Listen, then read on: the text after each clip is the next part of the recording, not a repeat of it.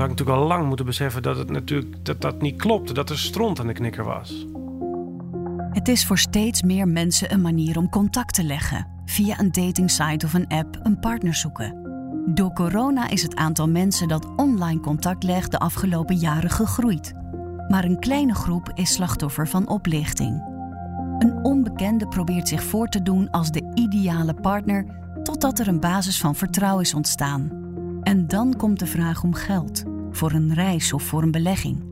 Het aantal mensen dat op die manier geld kwijtraakt groeit, maar vooral het schadebedrag neemt snel toe. Een verdubbeling tot naar schatting 7 miljoen euro over het jaar 2021. Mensen gaan voor steeds meer geld het schip in. Dat gaat gewoon over een half miljoen. Daar kunnen mensen een huis van kopen. Dat ben ik gewoon kwijt. Dat was mijn pensioen. Ik heb geen AOW, geen pensioenvoorziening als ondernemer.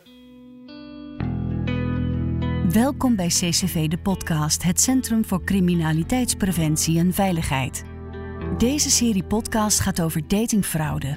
Mensen die worden opgelicht door iemand die zich voordoet als iemand anders, bijvoorbeeld via een datingsite of sociale media, en mensen zo ver weten te krijgen dat ze geld overmaken. Dit is de eerste aflevering. Mijn naam is Patty Lou Middelleenheer. We volgen in deze aflevering het verhaal van Michael, 49 jaar en alleenstaand. Nu ongeveer twee jaar geleden ging hij op zoek naar een leuke date en dat deed hij via een online dating app waar mensen zoeken naar een wat serieuzere relatie. En op een goed moment kwam ik een jonge jongen tegen die Amerikaan zei te zijn. En na wat chatten bleek dat hij dan gelegerd was in Afghanistan. En daar dus voor het Amerikaanse leger actief was. Nou, we hebben gechat voor een periode van een aantal weken. En opeens kwam hij met het verhaal of ik kon helpen met iets. En dat was zeer secret. Ik mocht er met niemand over praten. Na een paar weken van chatten en appen over en weer kiest Hamed, zoals hij zich noemde, de strategie om Michael in vertrouwen te nemen. Ja, ja, bij een patrouille in een dorp hebben we een tijd geleden een uh, hoeveelheid geld buitgemaakt. Wat, wat met, uh, met drugs was verdiend. Het ging over 3,5 miljoen dollar en uh, dat hadden ze dus buitgemaakt. Dat moesten ze natuurlijk, zoals dat hoort, omdat het tijdens hun werk voor het leger was gedaan, moesten ze dat aangeven. En dat hadden ze niet gedaan. Dat hadden ze voor zichzelf gehouden. Michael vindt het verhaal wel een beetje vaag. En in het bijzonder hoe dat geld dan zou zijn weggesmokkeld uit Afghanistan. Maar ook daarvoor komt Hamed met een verklaring. Maar een van zijn partners, die had er dan mede voor gezorgd. En, en die was dan niet heel lang nadat ik hem leerde kennen in een gevecht gewond geraakt. En uiteindelijk ook overleden. Dus hij was de enige die dat geld nog, uh, die, die nog wist waar dat was. Nou, Lang verhaal kort. Um, toen, uh, dat stond dus op een soort van crossrekening. En hij wilde graag, hij wilde weten of ik hem dan kon helpen om dat geld uh, te storten, zodat hij het ook echt kon gaan gebruiken. Want hij wilde graag een studie gaan doen. La, la, la. En ik dacht nog, hmm, moet ik me daar nou wel in gaan mengen? Hamed vertelt Michael dat het voor hem heel moeilijk is om zich te mengen in de gay scene. Hij komt zelf uit een uh, omgeving waar gay zijn alles behalve oké okay was. En vond het uh, wel cool dat er dan ook een deel van zijn geld... Uh, dat hij dan een deel van die 3,5 miljoen kon, kon gebruiken om te investeren in mijn bedrijf. Nou ja, dat was voor mij natuurlijk ook wel een soort van interessant, want ik was daar toch wel gevoelig voor. Dus ik dacht, nou weet je, um, ik wil hem daar dan wel bij helpen. Bij de fraudehelpdesk komen dagelijks meldingen binnen van mensen die te maken krijgen met verhalen zoals dat van Michael. Alles klinkt mooi, interessant, een buitenkansje, totdat je geld hebt overgemaakt en ineens de stekker uit de online vriendschap wordt getrokken. De vrouw de helpdesk luistert naar de verhalen en geeft advies. Dit is Tanja, de woordvoerder van de Vrouw de Helpdesk. Ik heb de cijfers van wat er bij ons bij de Vrouw de Helpdesk wordt gemeld. En dat is niet alles, dat weten we ook. Maar wij hebben nu per jaar ongeveer 600 meldingen van datingfraude. Zowel Michael als Tanja zijn ervan overtuigd dat het werkelijke aantal fraudeslachtoffers vele malen hoger ligt, maar dat veel slachtoffers zich niet durven te melden uit schaamte of angst. Datingfraude gaat vaak hand in hand met identiteitsfraude. Alles is erop gericht uiteindelijk jou over te halen om geld over te maken. De ontwikkeling die wij zien, dat is eigenlijk dat steeds meer kant-en-klaar pakketten te verkrijgen zijn voor oplichters om mensen makkelijk op te lichten. Waardoor uh, het ook steeds massaler kan. En daarnaast hebben we ook de indruk dat via datalekken heel veel informatie beschikbaar is, die ook heel gericht wordt ingezet. Dus als je um, bijvoorbeeld uh, via WhatsApp iemand wil oplichten en wil doen alsof je uh, zijn dochter bent, die de huur moet betalen, dan moet je dus wel mensen hebben van 50 plus die volwassen kinderen hebben. En dat soort informatie kun je natuurlijk heel eenvoudig um, uit uh, informatie halen als je een complete set met data hebt van iemand. Dus met, met naam, telefoonnummer, geboortedatum enzovoort. Bij sommige fraudevormen zien we dat het wel echt bewust gericht wordt op, uh, op een interessante doelgroep. Denk aan uh, beleggingsfraude bijvoorbeeld. Dan heb je toch het liefst mensen met een beetje geld. Vaak ietsje ouder, dat ze een appeltje voor de dorst hebben. Of um, datingfraude. Dat wordt ook wel echt vooral gericht op ja, 40 plus. Beleggingsfraude dus. Vaak draait het dan om zogenaamd meeliften op de kennis van een ander om snel geld te kunnen verdienen. Je hoeft alleen maar geld over te maken en soms is dat veel geld. Nou, en hij had dan een, uh, een relatie, die moet je er maar contacten. Want die uh, relatie die had dat al op die rekening gezet. Het staat op een tussenrekening bij een bank in Oekraïne. Nou, hij was natuurlijk zelf maar een simpele Jan soldaat. Hij kon niet zoveel doen daar. Hij wist ook niet goed hoe dat werkte. Maar die kennis in Oekraïne, die had het daar weten te stallen. Dus die moet je dan maar contacten. Om dat vervolgens met hem af te wikkelen. En uiteraard wilde hij daar dan nog een percentage van. En ik dacht, nou ja, als dat echt in Oekraïne staat. Ik was toevallig bezig mijn bedrijf, mijn bedrijf verder uit te bouwen. En ook een tak in Oekraïne op te zetten. Dus ik dacht, nou, als ik daar toch dan een keer heen ga, dan kan ik wel kijken of die relatie van hem daar, daar inderdaad ook is. En of dat geld daar inderdaad staat. Dus ik ben op een gegeven moment ook met die contactpersoon van hem in contact gekomen. Een Robert. En die zei, ja, dat is hartstikke goed. Want als je dan toch een bedrijf hier wil opzetten, dan kun je meteen investeren in dat bedrijf. La la la. Michael reist af naar de Oekraïne en ontmoet daar inderdaad een agent die zegt notaris en advocaat te zijn. Hij regelde dat het bedrijf wordt opgericht met alle bijbehorende documenten en formaliteiten. Ik heb er ook actes van, dus ik moest daar ook uh, geld storten op een bepaalde rekening voor het oprichten van dat bedrijf. En op zich was dat allemaal conform, voor zover ik dat kon nazien, ook uh, volgens de wettelijke voorschriften. Ik heb ook een afschrift gekregen van die akte van oprichting. Dat, dat was natuurlijk wel allemaal in het Cyrillisch, maar ik had dat iemand laten vertalen, dus ik had dat op zich wel allemaal gecontroleerd. Michael heeft in deze periode met de zogenaamde tussenpersoon Robert alleen digitaal contact. Tijdens zijn reizen naar de Oekraïne zijn er altijd onverwachte situaties waardoor Robert niet bij afspraken komt opdagen. Maar tegen die tijd zit Michael al diep in alle afwikkelingen. En toen ben ik daar ook geweest om een bankrekening te openen. En dat heb ik allemaal netjes gedaan. En dan vervolgens zou ik, uh, om dat geld dat dus op die tussenrekening stond, moest ik een aantal belastingen betalen, uh, bronbelastingen. Nou werk ik in deze business en het gebeurt in deze business dat je uh, bronbelasting moet betalen.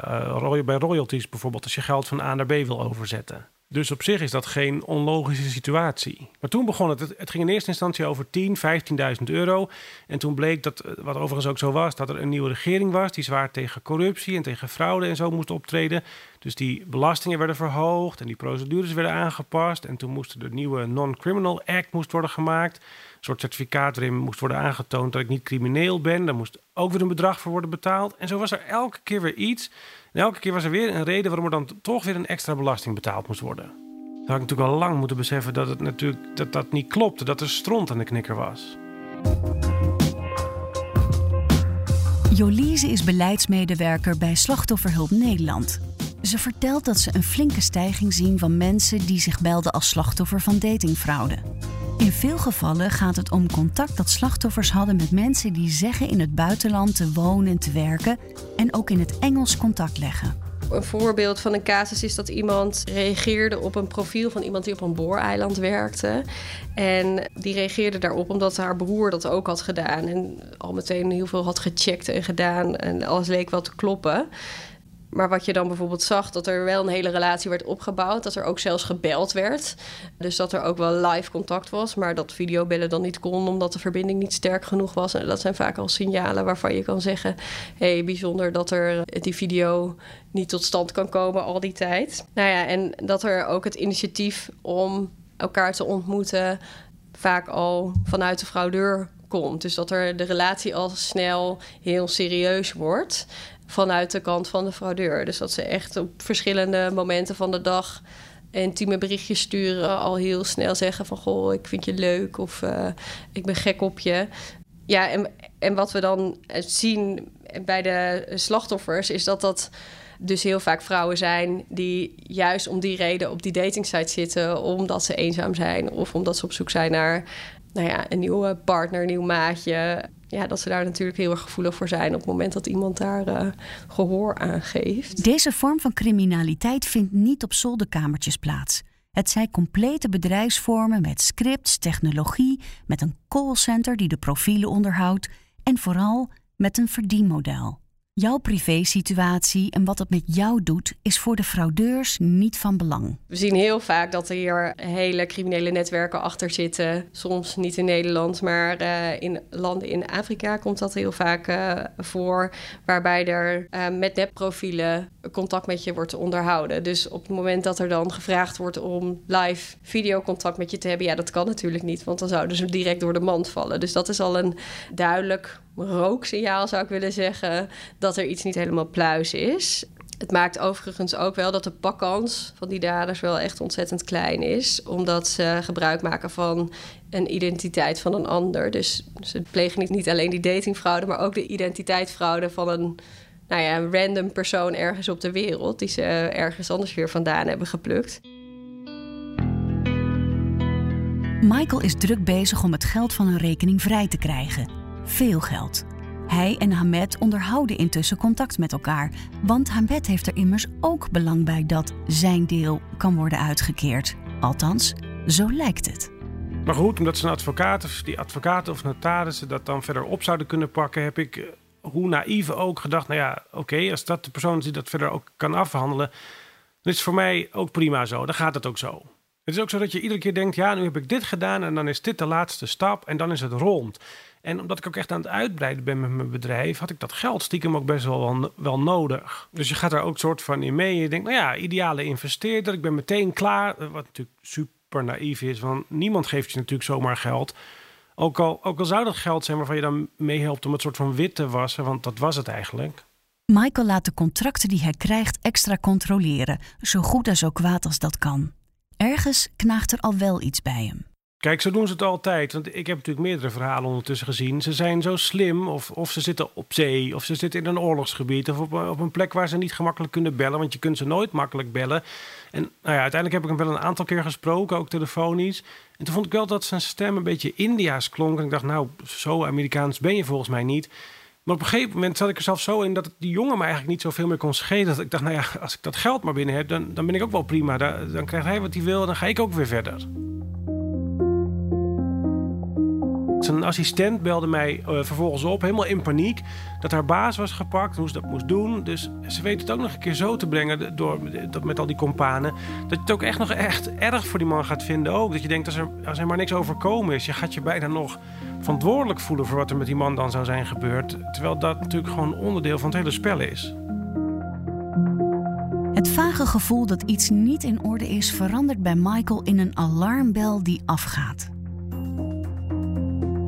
Toen de FBI was binnengevallen, toen dacht ik één, als dat wel zo is, dan zou de FBI zich meteen bij mij melden en niet alleen bij die advocaat. Want nogmaals, mijn gegevens, alles is daar bekend, mijn paspoort, et cetera. En toen was het nog steeds van ja, nou ja, het is Oekraïne, hè, dus we kunnen altijd wel wat regelen. En toen moest ik opeens natuurlijk nog weer een bedrag betalen. En eh, dan zou die advocaat misschien een paar mensen kunnen omkopen of zo. En het alsnog voor elkaar kunnen krijgen. En toen dacht ik, ja, dit, nu, ik ben wel heel blond geweest, maar nu is wel echt klaar.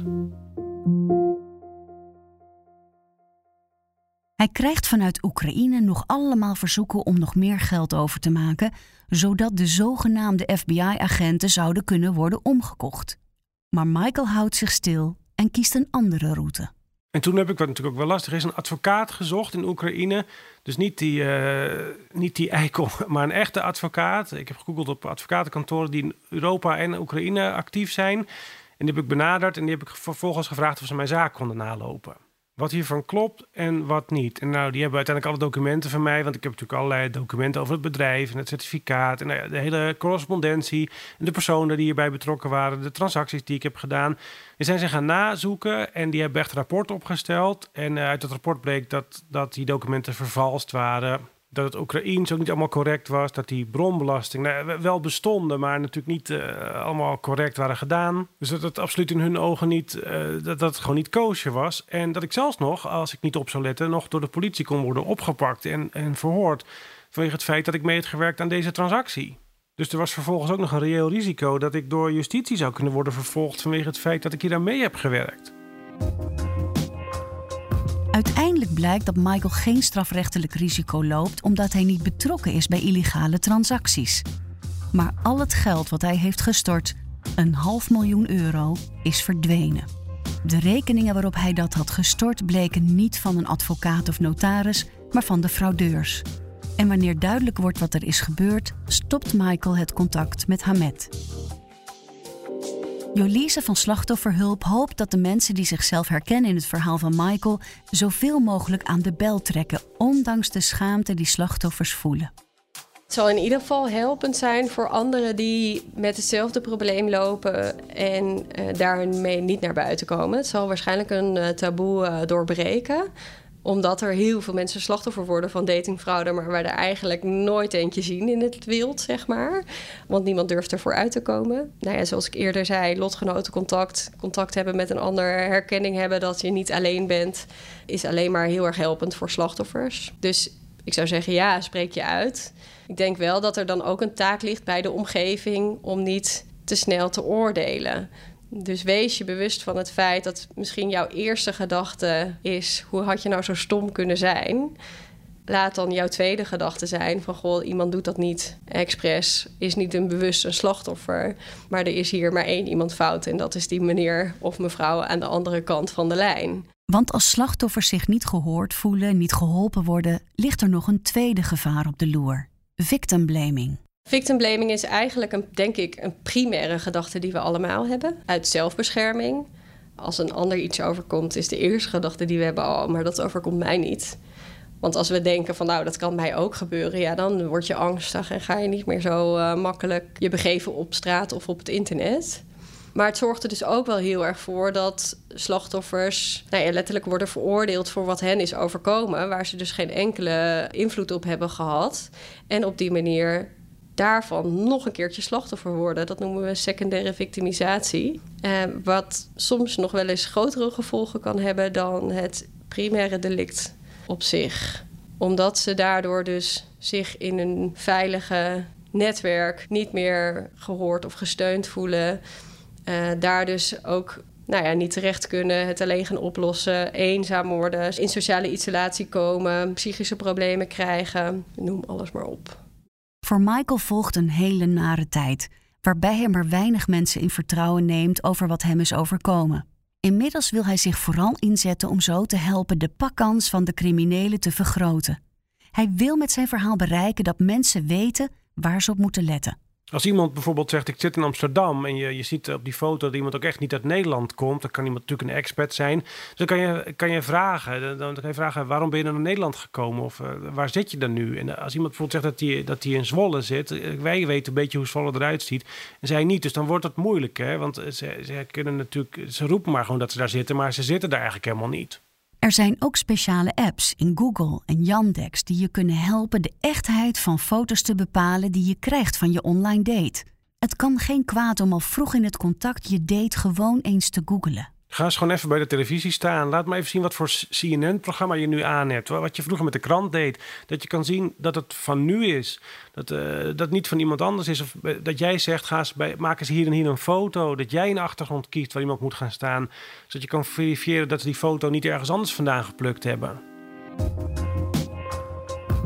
Michael is zeker niet gestopt met online daten. Maar is naar eigen zeggen wel scherper geworden. Hij ziet dat er best veel nepprofielen zijn in de datingapps. Het zijn eigenlijk altijd Engelse profielen. Zo kwam hij onlangs in contact met een Arabische prins, waar hij een aantal spullen zou moeten kopen op een website voordat hij die man kon ontmoeten. Hij moet er een beetje om lachen, maar ziet ook de ernst ervan in. Michael pleit er dan ook voor dat de datingapps zich actiever inzetten om die nepprofielen op te sporen en eraf te halen. Of het nou cryptocurrency is of geld voor iets wat je moet overmaken, voor die jurk die ik moest betalen bij een of andere Arabische store. Dat heb ik nu ook allemaal wel via Google uh, gegoogeld en gedaan, maar dat kun je bijna niet herleiden dat dat niet echt is. Michael's zaak kan niet door de politie worden opgepakt, iets waar hij erg boos over is. Hij zegt: Het kan niet zo zijn dat we hier in Nederland niets kunnen doen tegen dit soort criminelen en dat mijn geld ook echt nooit meer terugkomt. Helaas lijkt dat nu zo te zijn vanwege de internationale manier waarop de fraudeurs werken. De pakkans is klein. Tanja van de Fraude Helpdesk ziet ook dat de hulp aan slachtoffers beter kan. Ze wil vooral voorkomen dat mensen die opgelicht zijn in een gat vallen als blijkt dat de daders vrij uitgaan. Het wordt ook niet altijd meteen serieus genomen bij, eh, bij de politie als ze aangifte willen doen. Dus uh, ja, ze worden toch wel vaak weggezet als dommies. Nee, kijk, de politie dat is natuurlijk een enorm groot bedrijf en er werken ontzettend veel mensen. En er zullen heel veel mensen zijn die heel goed op de hoogte zijn van, uh, van datingfraude en, en hoe je daarmee omgaat. Maar er zullen ook altijd, uh, je kan ook altijd gewoon iemand treffen net aan de balie die denkt, waar gaat dit over? Ja, die, die hebben net een moordzaak opgelost en iemand die is aangereden, weggebracht. En dan komt er opeens iemand aan de balie die zegt, ik heb geld overgemaakt naar mijn vriendje. Ja, dus, dus niet iedereen snapt het hele verhaal. Ook Jolise van Slachtofferhulp ziet de wanhoop bij slachtoffers wanneer er geen juridisch antwoord lijkt te zijn op wat ze hebben meegemaakt. Niet alleen financieel dus, maar ook dat uh, psychosociale stuk, de eenzaamheid, het feit nou ja, dat je het vertrouwen in de mens kwijtraakt, het niet kunnen delen met je omgeving, die sociale isolatie die daar weer uit volgt. Plus op het moment dat je ermee naar de politie gaat, krijg je heel vaak ook nog eens de boodschap: ja, we kunnen hier zo weinig mee doen. De pakkans van die daders is zo klein, dus je krijgt ook dat gevoel van recht en rechtvaardigheid wordt niet bevredigd, dus er wordt, niet, er wordt niks mee gedaan. Ja, dus herstel is erg lastig. De online platforms en de politie zijn zich bewust van dit probleem en hebben serieuze stappen ondernomen om het probleem van datingfraude aan te pakken. Michael hoopt dat er snel echt antwoord komt, want zoals het er nu voor staat, ziet hij zijn geld niet meer terug. Dat gaat gewoon over een half miljoen. Daar kunnen mensen een huis van kopen. Dat ben ik gewoon kwijt. Dat was mijn pensioen. Ik heb geen AOW, geen pensioenvoorziening als ondernemer. Ik, moet dat, ik had dat van dat geld moeten doen. Dat ben ik gewoon kwijt. Dat komt nooit meer terug. Daar kan ik van gaan huilen. Maar daar koop ik niks voor. Daar heb ik niks aan. Ik moet nu gewoon door.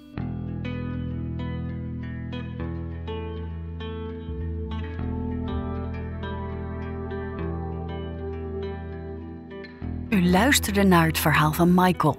Dit is niet zijn echte naam en u hoorde de stem van een acteur. Wil je meer weten over datingfraude en hoe je dat checkt? Kijk dan op www.ccv.nl/slash dating. Deze podcast is een van de drie podcasts uit de campagne Check Nu Je Date.